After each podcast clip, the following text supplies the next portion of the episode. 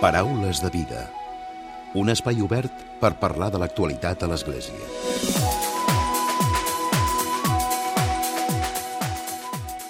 Què tal? Salutacions i molt bon dia, molt bon diumenge. Iniciem una nova temporada del Paraules de Vida, la 2021, i ho fem amb els millors desitjos que estigueu bé, que hagueu passat un bon estiu, malgrat tot, malgrat la situació de pandèmia, malgrat la incertesa que aquesta crea, malgrat el neguit que ens provoca viure no sabent què passarà més enllà dels dies i les setmanes més immediates. Sigui com sigui, nosaltres tornem per fer-vos companyia durant aquestes primeres hores del diumenge.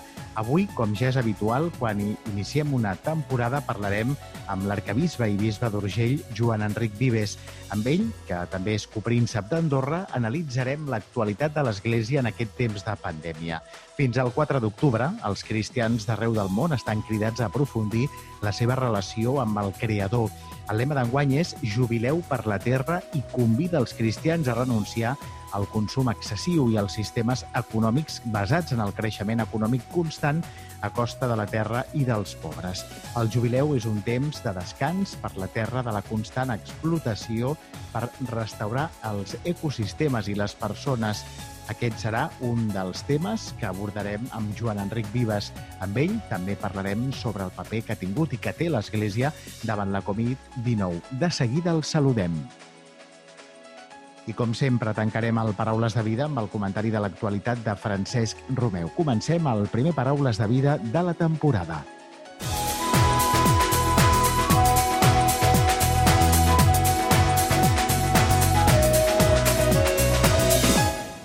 Senyor Bisbe, bon dia i benvingut al Paraules de Vida.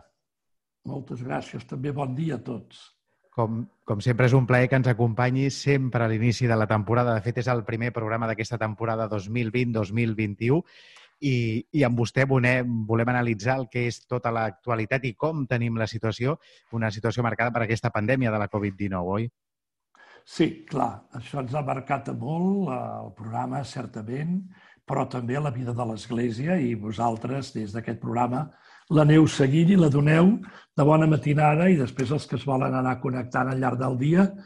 I certament eh, aquest és el gran fet, no? que la pandèmia, que lo millor ens havíem imaginat que podria ser curta o almenys eh, un període més curt i que ens donaria fins i tot respir i que podríem parar i, i, i refer-nos, resulta que no. Aquesta és una muntanya que no dona plans per respirar i després tornar a pujar, sinó és una muntanya que puja, puja, puja i que fins que no tinguem potser unes altres, unes altres condicions l'hem d'anar fent. Però eh, l'hem de fer, per dir-ho així, amb, amb il·lusió, amb esperança, diem sempre els cristians, de tots els temes, sempre hi ha escletxes d'esperança, perquè hi ha com un gran convenciment que és que Déu no ens deixa mai i tampoc ens deixa quan hi ha una pandèmia, ni tampoc ens deixa en la sortida d'una pandèmia i no ens deixarà tampoc ara. Uh -huh. Senyor Bisbe, com ha actuat l'Església davant d'aquesta pandèmia? Ara vostè ho diu, no? que el Senyor no, no ens deixa en els moments difícils. Com, com s'ha abordat des de l'Església? Bé, hem de dir que com totes les institucions, no? i mundialment ha estat així, en un primer moment va haver-hi un cert sotrac, és a dir, una cosa molt inesperada. Estàvem potser acostumats a tenir petites o grans, no? però, però diríem pandèmies, ja no en dèiem encara pandèmies, sinó epidèmies, no? Però aquesta va de ser que d'una epidèmia que semblava que havia començat a l'Àfrica, a, a, a Xina, perdó, doncs eh, s'estenia rapidíssimament a tot el món i amb una gran virulència. Això feia que tot esperés, que tot tingués, que tot, que tot quedés parat. No? Això, vulguem o no, nosaltres treballem molt en reunions, en trobades, amb l'escalf familiar. L'Església al final és una família. És veritat que té moltes actuacions que són més eh, revistes, observació, eh, grups intel·lectuals, facultats, eh, investigació. Això també hi és, però la gran majoria de, del nostre treball, de les hores que tots els agents pastorals fan, doncs són, per dir-ho així, presencials. Són amb gent, i, per tant, des de els tres, les tres grans dimensions de l'Església. Una, l'anunci de la fe, i que vol dir anunciar l'Evangeli, fer-lo conèixer, grups, grups d'estudi evangèlic, de pregària, sobretot catequesi d'infants i d'adults, tot el que és anunciar l'Evangeli, no? I llavors aquí entraria també, doncs, diguem, la reflexió teològica filosòfica, cultural, etc. D'acord? Anunci, primer gran, gran pilar del treball eclesial, que valdrà per, per lo que hem de fer en el futur, no? Tenir aquest esquema. Segon, la celebració. Nosaltres agraïm que Jesucrist ens ha donat el tresor de la gràcia seva, que esdevé després una gràcia per a totes les persones. Des del baptisme fins al final, a la sepultura, nosaltres acompanyem totes les persones, les famílies, els pobles, les seves situacions. Allà on hi ha fam, allà on hi ha guerra, allà on manquen escoles, però també allà on hi ha alegria, on hi ha casaments, on hi ha naixement de fills, on hi ha la família gran. Acompanyem amb la gràcia de Déu, amb els sagraments. Celebrem la fe. I el diumenge, rere diumenge, celebrem el que Sant Joan Pau II va dir, la Pasqua setmanal. Per tant, anunci. Segona, celebració. I tercera, pota d'aquest gran treball eclesial, a la seva missió, és la caritat, el servei al món, el servei a les persones, a tothom, però especialment als més pobres. I aquí l'Església té multitud d'iniciatives, no? que també algunes s'han vist tocades amb la pandèmia. No? Les, totes les altres també, però aquesta també, per més que hem fet molt. Però, clar, tampoc podíem fer-ho molt presencial. Els avis no ens hi podíem anar. No hem pogut... És el que ens ha fet... Ens ha dolgut més, no? Que no hem pogut anar a visitar les residències, que no hem, hem hagut de trigar a inventar la teletrucada i tot això i que els avis tinguessin mitjans per fer-ho. Per tant, en aquestes tres grans dimensions dels, del que és la vida de l'Església i la seva missió, doncs la pandèmia ens ha fet mal, ens ha, ens ha provocat doncs, un empobriment, una humiliació, una humilitat també, no si voleu, però també ha provocat solidaritat i ha provocat també unes reaccions. Per dir-ho així, jo crec que els mitjans tecnològics que avui tenim, no? No, no cal dir la ràdio, que fa molt i molt temps que va començar, no? o el cinema i la, la televisió, que fa també temps. Però ara tot el que és la tele, el teletreball i, per tant, la telecomunicació, amb altres aspectes, la gran xarxa mundial que és que significa internet i tot el que representa. L'Església, per dir-ho així, ho anava fent amb, amb escadocerament, no? Alguns com, com una mania d'alguns, no? Algun capellà, algun youtuber, algun eh, que anaven fent coses. Però, per dir-ho així, volem dir, lo seriós no és això. I ens hem adonat que precisament això eh, és un camp nou.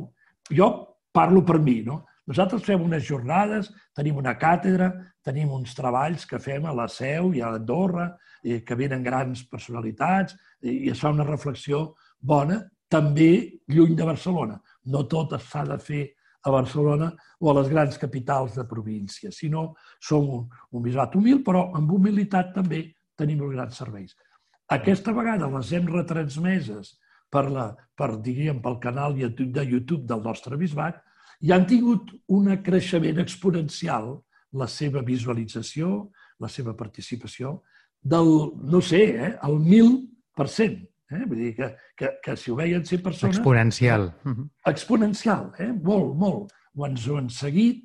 Eh, hi, ha, hi ha hagut gent que ha, ha, ha crescut. El que haurien és, crec jo, humilment, és de no perdre lo, lo, pre, lo presencial, l'abraçada, l'escalf humà, perquè nosaltres no som robots ni màquines.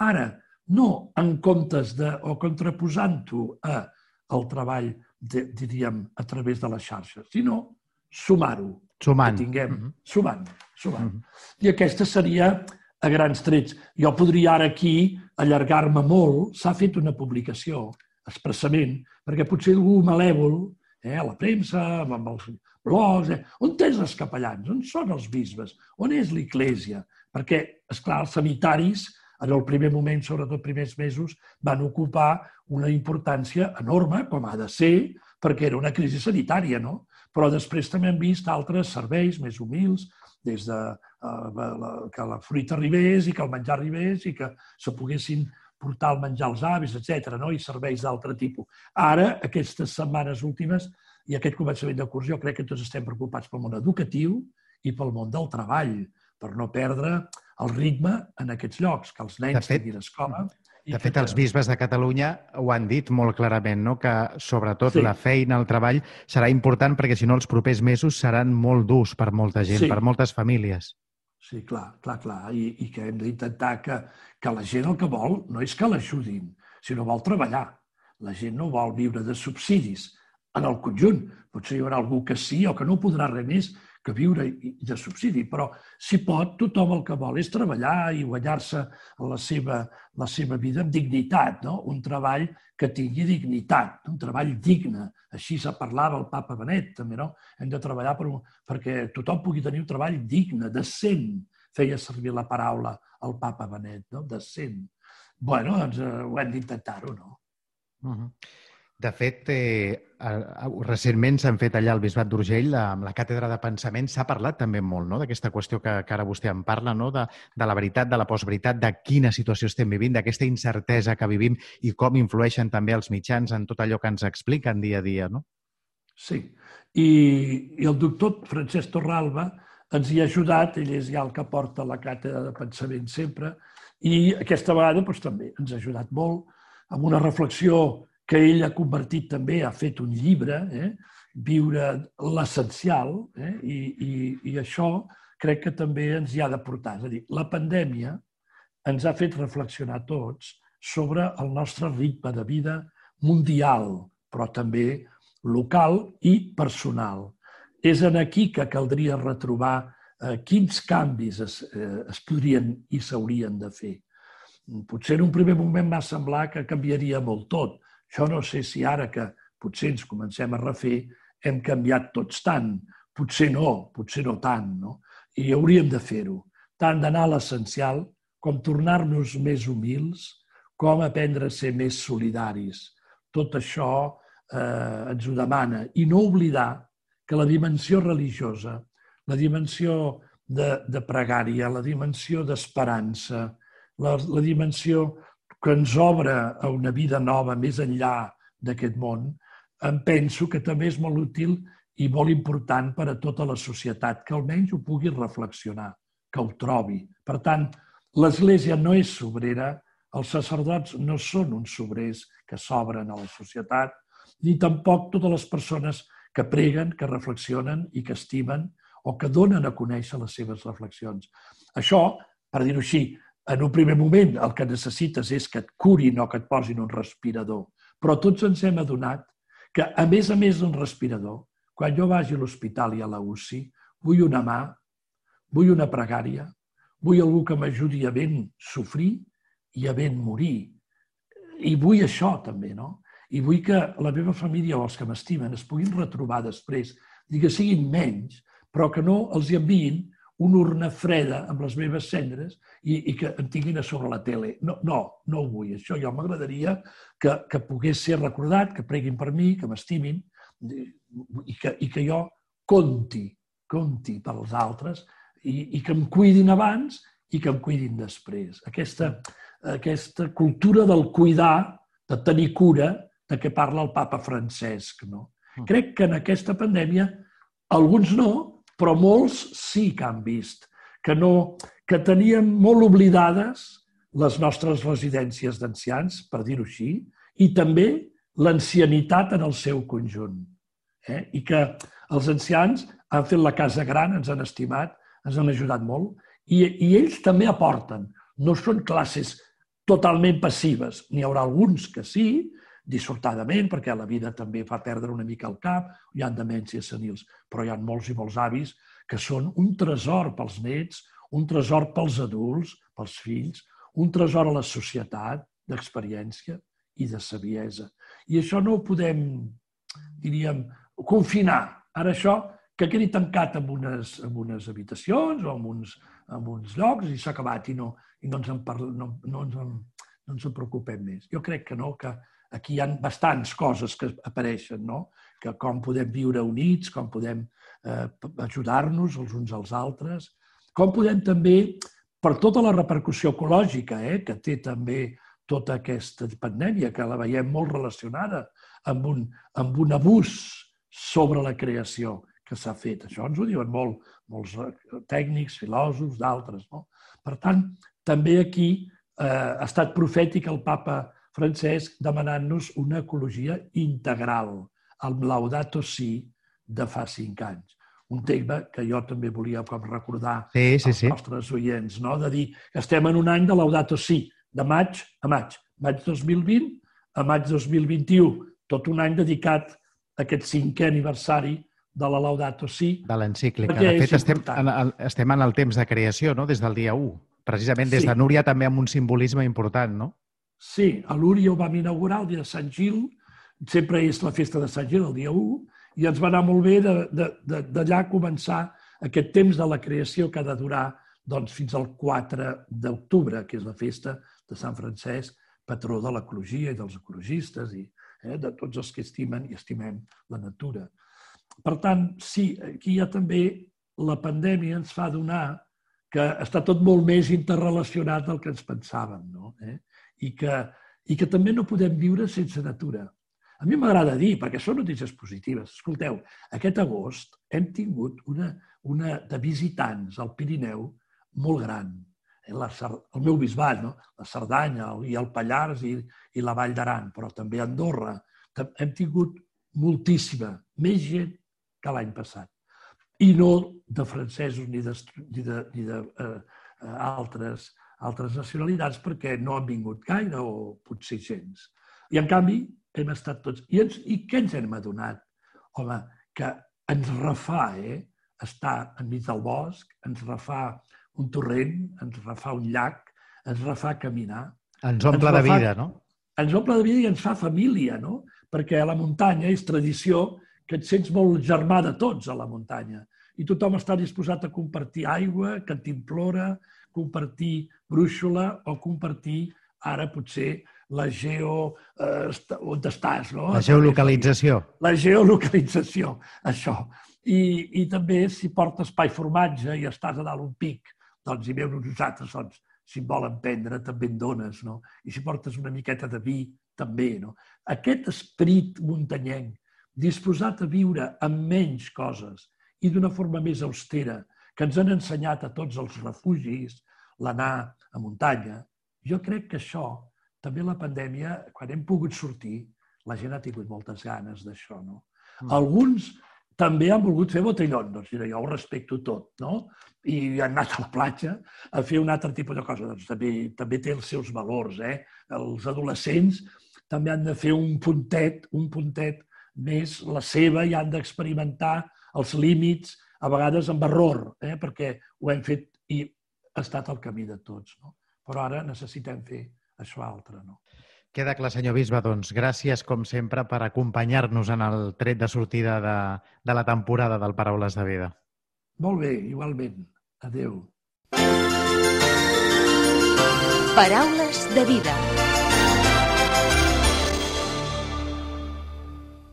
Ja hem estrenat una nova temporada del Paraules de Vida i ara és també moment d'escoltar, de sentir un nou comentari de l'actualitat, el primer comentari de l'actualitat de Francesc Romeu d'aquesta temporada 2020-2021. Francesc, molt bon dia i benvingut novament. Molt bon dia i ben retrobats. La notícia religiosa d'aquest estiu, entre moltes, ha estat la de la mort del bisbe català i claretià a Amèrica Llatina Pere Casaldàliga, el passat dissabte 8 d'agost.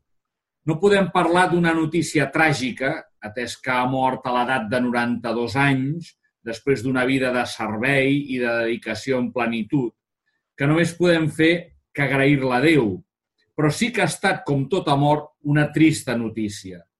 Recordem que Pere Casaldàliga va ser un missioner claretià nascut a Balsareny, al Bages, el 1928, i que va ser ordenat sacerdot a l'estadi de Montjuïc durant el Congrés Eucarístic celebrat a Barcelona l'any 1952. En la seva formació va desenvolupar diverses activitats pastorals, a Sabadell, a Barbastre, a Madrid i a Guinea, però molt especialment al final al Brasil, on va arribar al mític any del 1968 per tal de fundar-hi, amb altres claretians, una missió a la zona del Mato Grosso, més concretament a la població de São Félix do Araguaia. Pocs anys després, el 1971, amb els informes de l'Anunciatura brasilenya, el papa Pau VI va reconèixer tota aquella zona del Brasil com una diòcesi pròpia i pocs dies després Pere Casaldàliga en va ser nomenat i ordenat com el seu primer bisbe. En la seva ordenació, Casaldàliga ja va fer uns gestos profètics d'immersió indígena, portant un rem de pescador com a bàcul i un barret de palla com a un camperol com a mitra.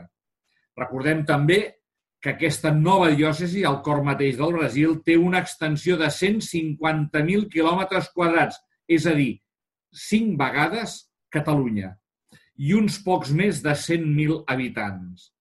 En aquest lloc, el pobre i humil bisbe Pere Casaldàliga és on ens ha donat a tots un veritable exemple, sobretot pel fet de no haver importat al Brasil una església estrangera, europea, sinó d'haver construït una església autòctona, molt lligada a la lluita i a l'esperança dels indígenes, però que alhora vol viure la llibertat que Jesús ens presenta en l'Evangeli. Ell mateix reconeixia que la seva gran estima a la llengua i a la cultura catalana és el que més l'havia convertit en un fidel defensor de la cultura, les llengües i els pobles de l'Amazònia. Aquesta defensa dels indígenes, el bisbe Pere Casaldaliga li va comportar, evidentment, un compromís polític. En una zona geogràfica de grans latifundis, les faixendes, i de grans injustícies amb els masovers que, administraven la terra però sense propietat, els poseiros, i amb els treballadors sense qualificar, els peoes. El seu compromís a favor dels més pobres va provocar que fos víctima d'una persecució constant i repetides vegades d'amenaces de mort i d'expulsió del país. Per això mai més va tornar a Catalunya ni tan sols per la mort de la seva mare. Per tant, han estat més de 50 anys de treball molt dur i molt difícil d'integració, durant els quals ha defensat el dret dels pobles indígenes i dels treballadors de l'Amazònia brasilenya. I recordem que també havia tingut problemes a l'interior de la mateixa Església, per la seva actitud sempre crítica i pel seu llenguatge profètic, que el va incloure a dins dels líders de la teologia de l'alliberament. Després de més de 17 anys sense fer les visites obligatòries que tots els bisbes han de fer per passar comptes a Roma, per por de no poder tornar a entrar al Brasil, fins i tot en l'època de la democràcia aparent al Brasil, l'any 1988, va ser reclamat pel papa Joan Pau II i va ser durament entrevistat pels cardenals Joseph Ratzinger i Bernardin Ganten, responsables de les congregacions de la fe i dels bisbes respectivament. Després d'aquesta anada a Roma, li van reclamar de guardar silenci i de no passejar-se per altres diòcesis d'Amèrica Llatina. Jo crec que el que més li havia molestat a Roma, o el conservadorisme dels nous bisbes llatinoamericans no era tant la seva defensa dels pobres o el seu compromís amb els indígenes, sinó que ja havia anat a visitar les comunitats de base de Nicaragua i tenia anunciat d'anar al Salvador. I això desestabilitzava molt al Vaticà i a les nunciatures d'aquests països. Finalment, recordo la campanya que es va fer a Catalunya al voltant de l'any 1992, i de la celebració dels Jocs Olímpics a Barcelona, per tal que el bisbe Pere Casaldàliga li fos otorgat el Premi Nobel de la Pau del 1992, atès que aquell mateix any s'acomplia el cinquè centenari de la presència europea i cristiana a Amèrica, una efemèride que, més que celebrar, havia de servir per reflexionar i per demanar perdó davant de tanta sang vessada i de tant sofriment causat. Molt bon diumenge a tothom. Paraules de vida amb Emili Pacheco.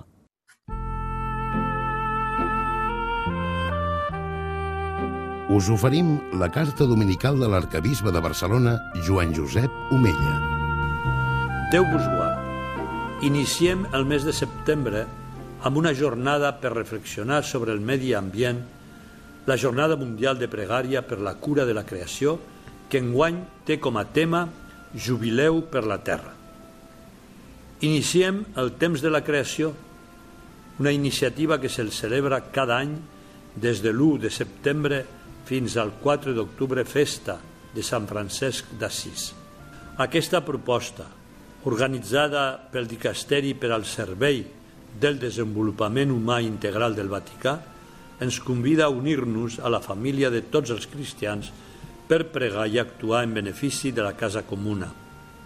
Enguany, a més a més, la iniciativa té lloc durant la celebració del cinquè aniversari de la carta encíclica Laudato Si. En aquest document, el papa Francesc ens convida a tots a comprometre'ns a estimar i a protegir el nostre planeta i tota la vida que s'hi alberga.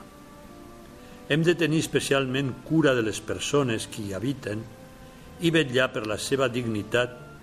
Ells són les criatures principals de la creació.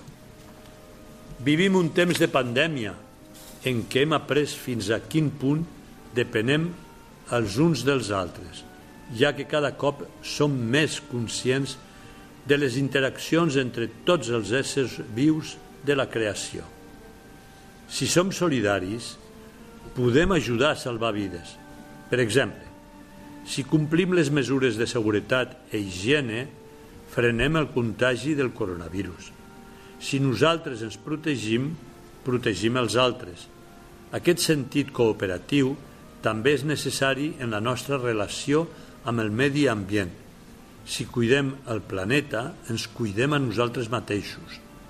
Els éssers humans som éssers socials, relacionals i, per tant, necessitem la comunitat per assolir la nostra plenitud.